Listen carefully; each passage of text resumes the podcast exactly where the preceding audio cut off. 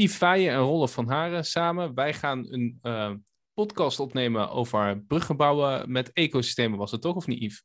Met ecosystemen, ja. In de meest brede zin van het woord. Ja, ja dat is wel leuk, want uh, jij met jouw achtergrond en ik met mijn achtergrond zijn eigenlijk allebei met ecosystemen bezig. Um, en allebei met andere ecosystemen. Daar zijn we ook een beetje achter gekomen. En volgens mij wat daar bij ons opkwam, is dat daar een rode draad te vinden moet zijn tussen de verschillende ecosystemen. Nou, vertegenwoordigen wij misschien wel meer dan één ecosysteem, maar waar we het over hebben per persona, is dat toch echt een, een ecosysteem. Bij mij is dat innovatieproject uh, ecosysteem en bij jou is dat? HR. HR? Meer of meer HR, ja. Samenwerken tussen bedrijven op het gebied van HR-vraagstukken, ja. Ja, en hoe leuk is het om uh, samen deze eerste uh, uitzending eens te gebruiken om ons eigen ecosysteem te onderzoeken. Um, en daarna uh, hele mooie gasten te mogen, uit te mogen nodigen van andere ecosystemen om te leren hoe het daar dan gaat en hoe we daar misschien wel uit kunnen leren van elkaar door elkaar. Kun je, jezelf... ja, kun, je, kun je jezelf eens voorstellen, Yves? Dan ja. doe ik dat daarna gewoon. Prima. Ja, Yves ik ben uh, eigenlijk al heel wat jaren werkzaam in, uh, op het gebied van HR. En dan op het kruispunt of snijvlak, hoe je het zou willen noemen, van HR en commercie. De afgelopen jaren heb ik bij Monster gewerkt, Monsterboard. Een van de eerste carrière sites die, die online ging. Uh, als, als in dat tijd was dat echt een slag tegen de, de papers, de, de kranten die toen nog advertenties zetten en daar monster. En daarvoor heb ik bij Randstad gewerkt, het onderdeel Yacht. En in de afgelopen jaren heb ik me heel actief bezig gehouden rond mobiliteitsvraagstukken. En um, dat, want een ecosysteem is natuurlijk een, een, een, term wat je op heel veel fronten kunt gebruiken. Het gaat om samenwerking. Mm -hmm. En dat was elke keer wel het thema waar ik mee bezig was. Hoe kun je samenwerken of het nou binnen een team is, of binnen een organisatie, of tussen organisaties, om die mobiliteit wat meer uh, in beweging te krijgen. Uh, we praten de laatste jaren heel erg veel over, uh, over, over persoonlijke ontwikkeling van mensen. En dat is denk ik een hele belangrijke, dat is niks nieuws. Het, alleen het komt het nu weer wat vaker naar boven. En dat is misschien een beetje afhankelijk van de tijdgeest waar we in zitten. En in dat opzicht heeft COVID daar wel een bijdrage aan geleverd in de afgelopen jaren. Iedereen is gaan denken, oké, waar ben ik mee bezig? Waar kan ik nu de komende tijd mee bezig gaan houden? Wat wil ik eigenlijk allemaal? Nou, en in dat, in, in dat gremium kun je denk ik met elkaar uh, heel veel bereiken als je praat over ecosystemen en samenwerking. Ja, mooi. Dat, ja. Uh, dat is eigenlijk waar mijn achtergrond een beetje ligt. Ja, want dan kon je inderdaad zeggen ecosystemen tot samenwerking. En voor mij is dat, ja, als ik aan ecosystemen denk, dan is dat ook echt het eerste wat in me opkomt. Dus dat je samen, samen iets doet. En bij mij komen ook gedachten als uh, Ubuntu. Hè? Ben ik goed voor jou, dan, ben, dan, dan is die ander ook goed voor mij. Dus dan ontstaat er een soort van positieve symbiose misschien wel.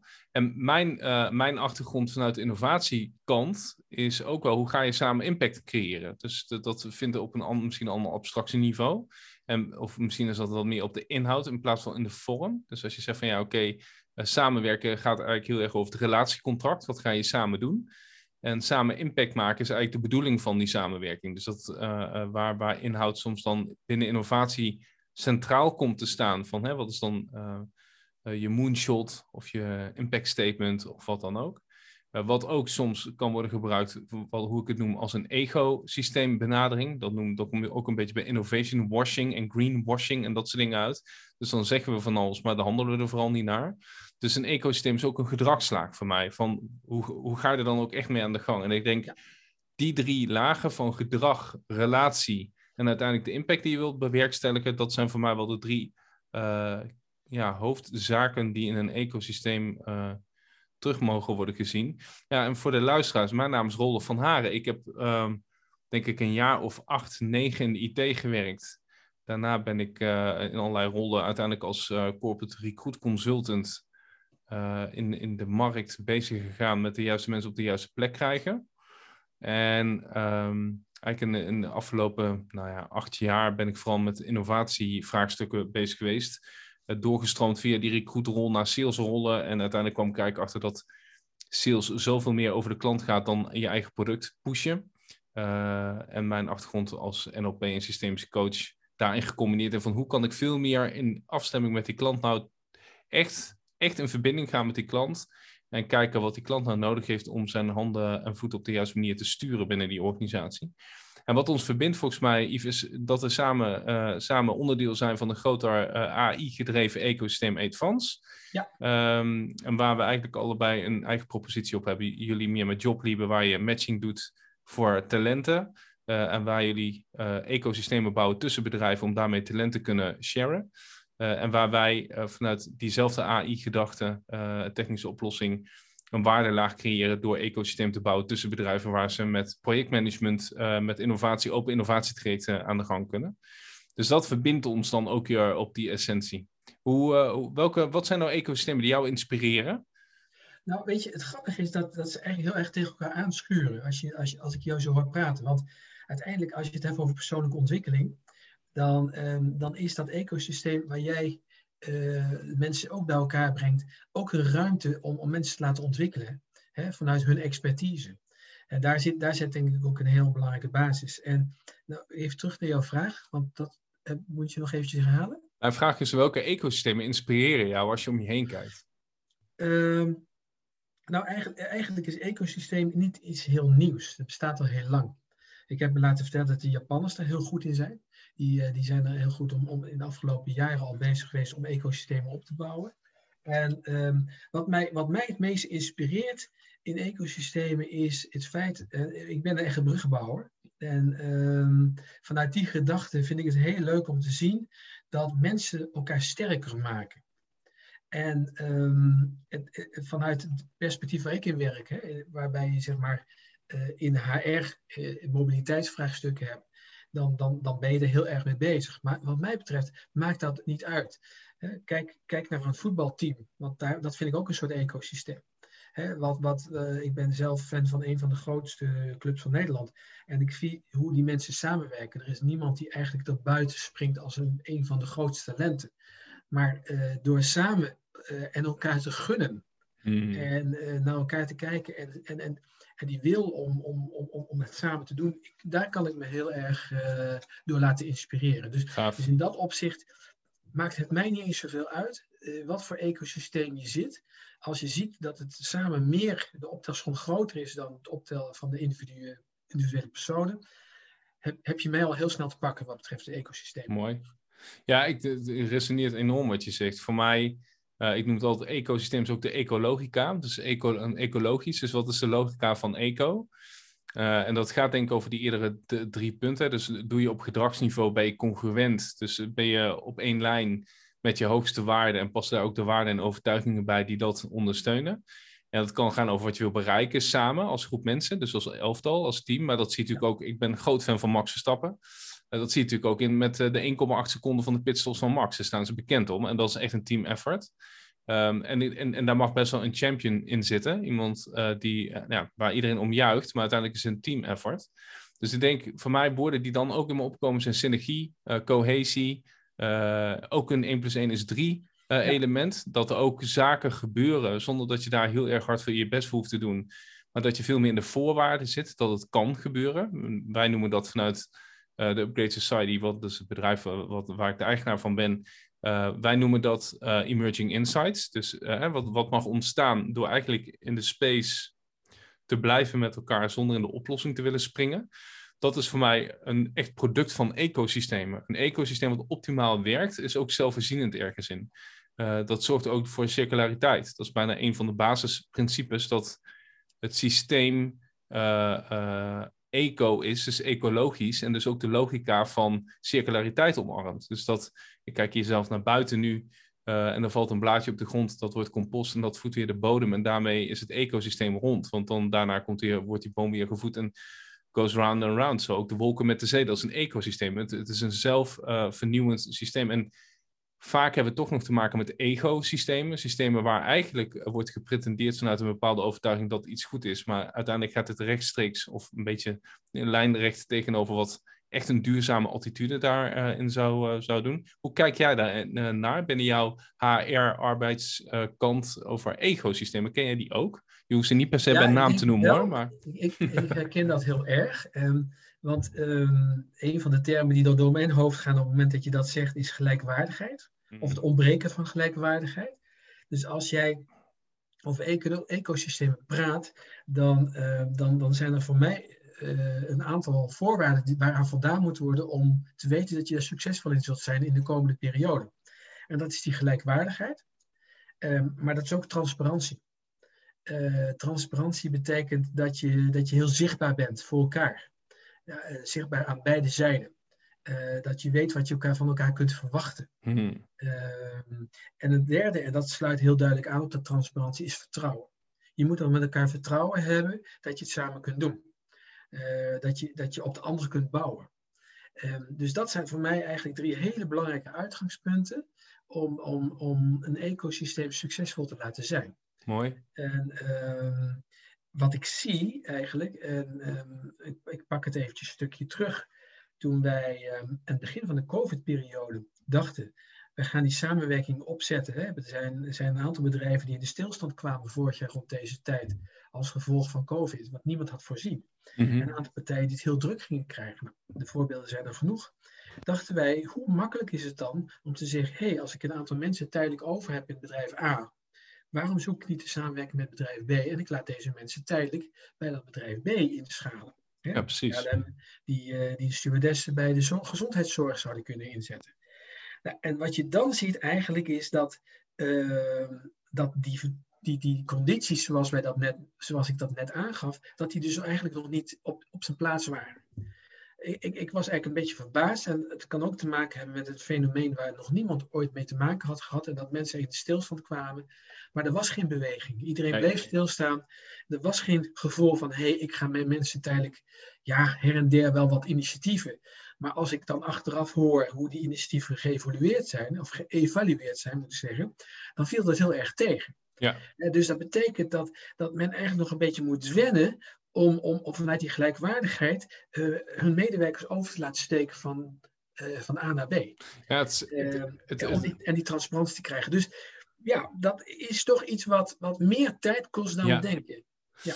Nou, weet je, het doet mij, het is een mooi, mooi inzicht wat je geeft. Dat eigenlijk er kan urgentie zijn, alleen als de voorwaarden er nog niet zijn om die urgentie op de juiste manier te kan, kunnen anticiperen met gedrag wat, wat, wat daar het best bij zou passen. Het doet mij heel erg denken aan een dialoog die ik deze week had uh, met iemand van Fontes. En dat gaat over the fabric of society. En het gaat eigenlijk over van hoe komt een society nou tot stand? En vanuit welke culturele overtuigingen doen we dat dan?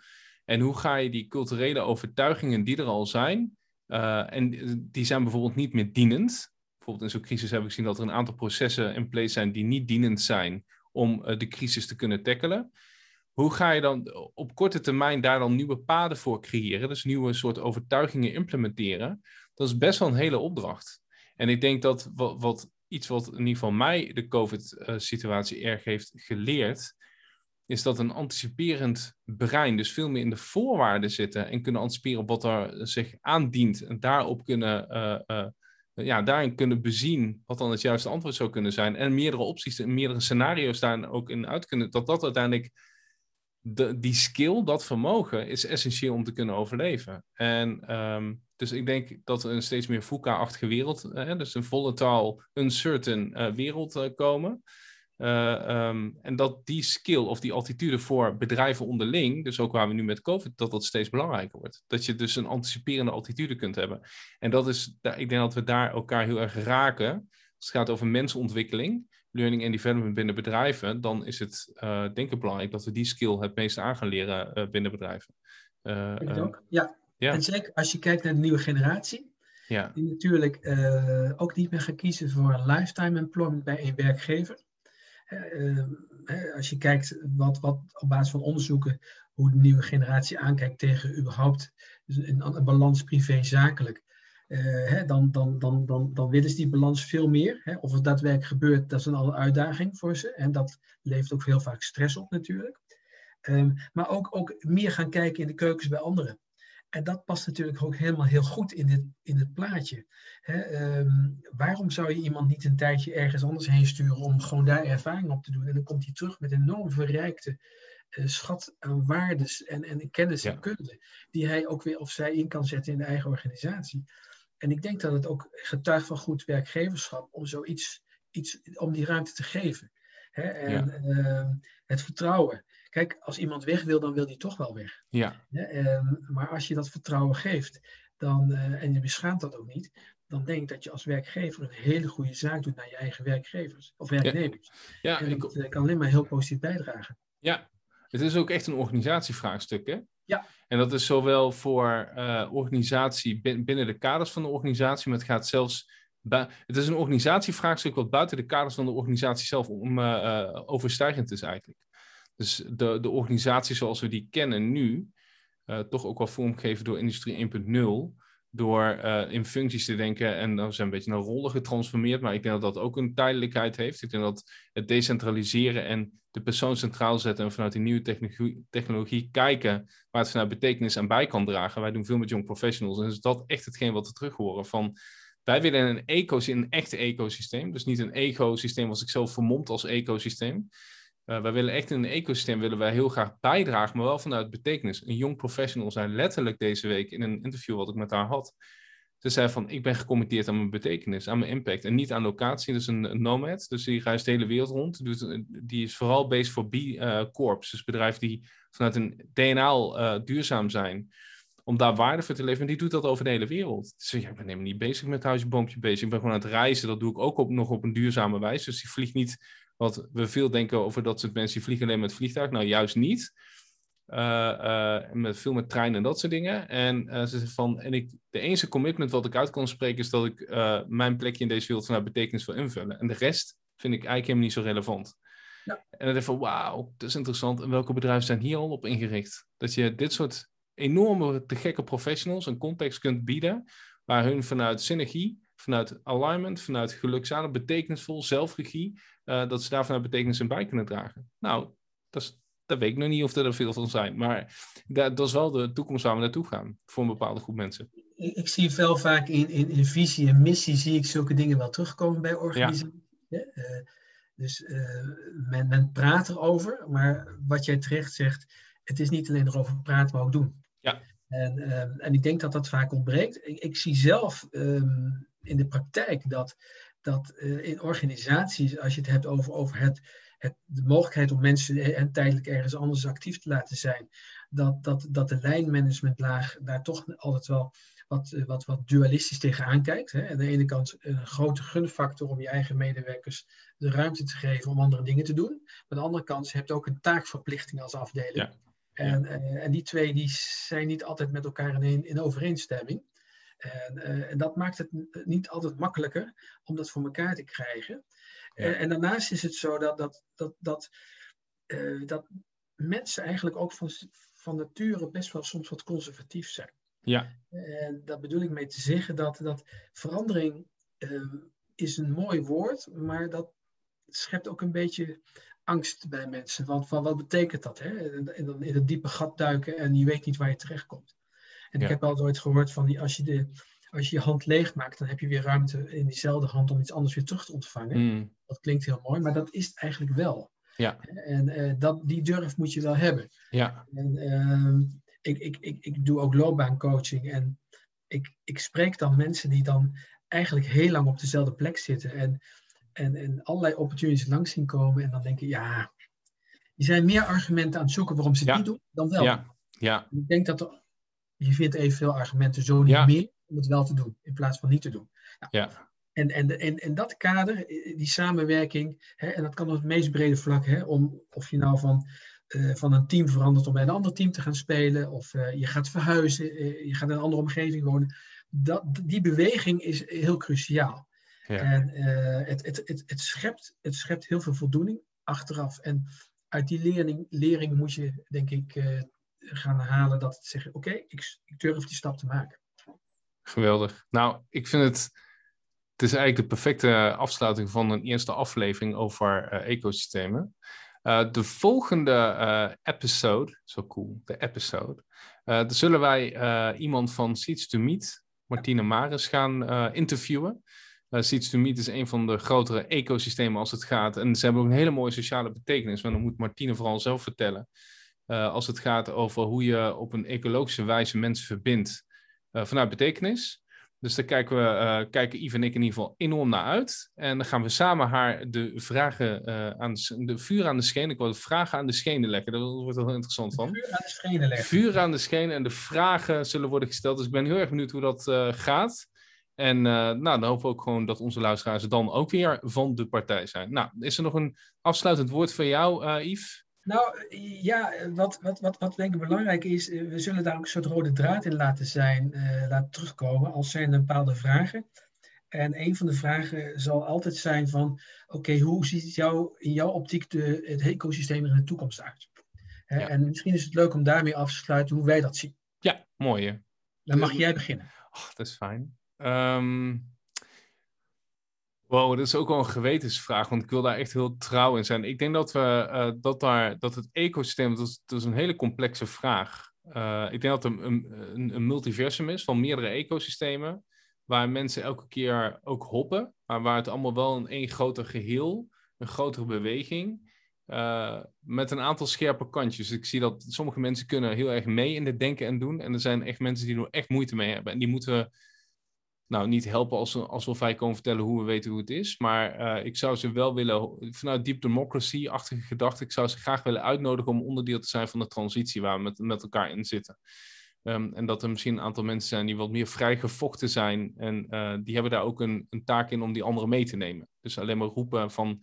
Dus ik, ik, ik hoop op een ecosysteem waar meer uh, uh, gezamenlijkheid is, waar meer, uh, nou, wat je zo mooi, transparantie, waar meer vertrouwen is, waar ook veiligheid een groot onderdeel is. En waar eigenlijk technologie een enorme mooie onderlegger kan zijn om eigenlijk de dromen die we als, als grote groep collectief mensen, om echt naar betekenis werk te kunnen organiseren en met elkaar doelen te kunnen bereiken, die op dit moment ook echt wel behaald dienen te worden om ook een leefbare wereld te houden. dat we die op een zo ja, synchrone manier kunnen bereiken met elkaar. En waar uh, persoonlijke transformatie, persoonlijke ontwikkeling, leren centraal staat en waar samenwerken uh, de key to succes uh, mag zijn, meer en meer. Dus dat is hoe ik naar ecosysteem van de toekomst kijk. Ja, nou, ik, ik, ik denk dat ik in dezelfde lijn zit. Um, ik, ik, de, die transparantie, die, die komt er steeds meer. Hè? Want we, we hebben natuurlijk ook een uh, met de, de, digitale veranderingen in de wereld wordt alles steeds transparanter. En dat helpt, helpt zeker uh, in dat hele proces. En, um, en ik denk ook dat de, het, de technologie als ondersteuning een hele cruciale is. En dat is bijna niet meer onomkeerbaar. De platformen die ontstaan, uh, waardoor steeds meer informatie bekend is, waardoor het ook laagdrempeliger wordt om deel te gaan nemen. En ik denk dat het ook, hè, dan, dan, dan, dan, dan wordt het transparanter en dan wordt het ook gelijkwaardiger. En dan is het wat mij betreft ook iets wat je niet meer onomkeerbaar terug kunt uh, laten keren naar het oude systeem. En dan zullen er ook degenen die kriti kritisch zijn, de criticasters, zullen uiteindelijk ook daarin meegaan. Dus ik, uh, ik, ik zie dat absoluut gebeuren. En wat jij zegt, je kunt in meerdere ecosystemen actief zijn. Dus in dat opzicht zul, je, zul je alleen maar heel veel dingen ervaren die wat dat betreft positief zijn. En als het niet zo positief is, dan stap je eruit en ga je weer een ander ecosysteem in. En wat dat betreft zal het blijven evolueren. En elk ecosysteem zal altijd moeten aantonen wat de toegevoegde waarde ja. is om, uh, om te overleven. Ja, mooi. Yves, ik wil je hartelijk bedanken en ik uh, bedank mezelf ook. Ja, en ik bedank jou. Nou, gezellig. En uh, volgende keer Martine Maris. En voor Zeker, nu. Kijk er naar uit. Ja, ik ook. En voor nu een fijne dag en geniet van de zon als die schijnt. Oké, okay, dankjewel.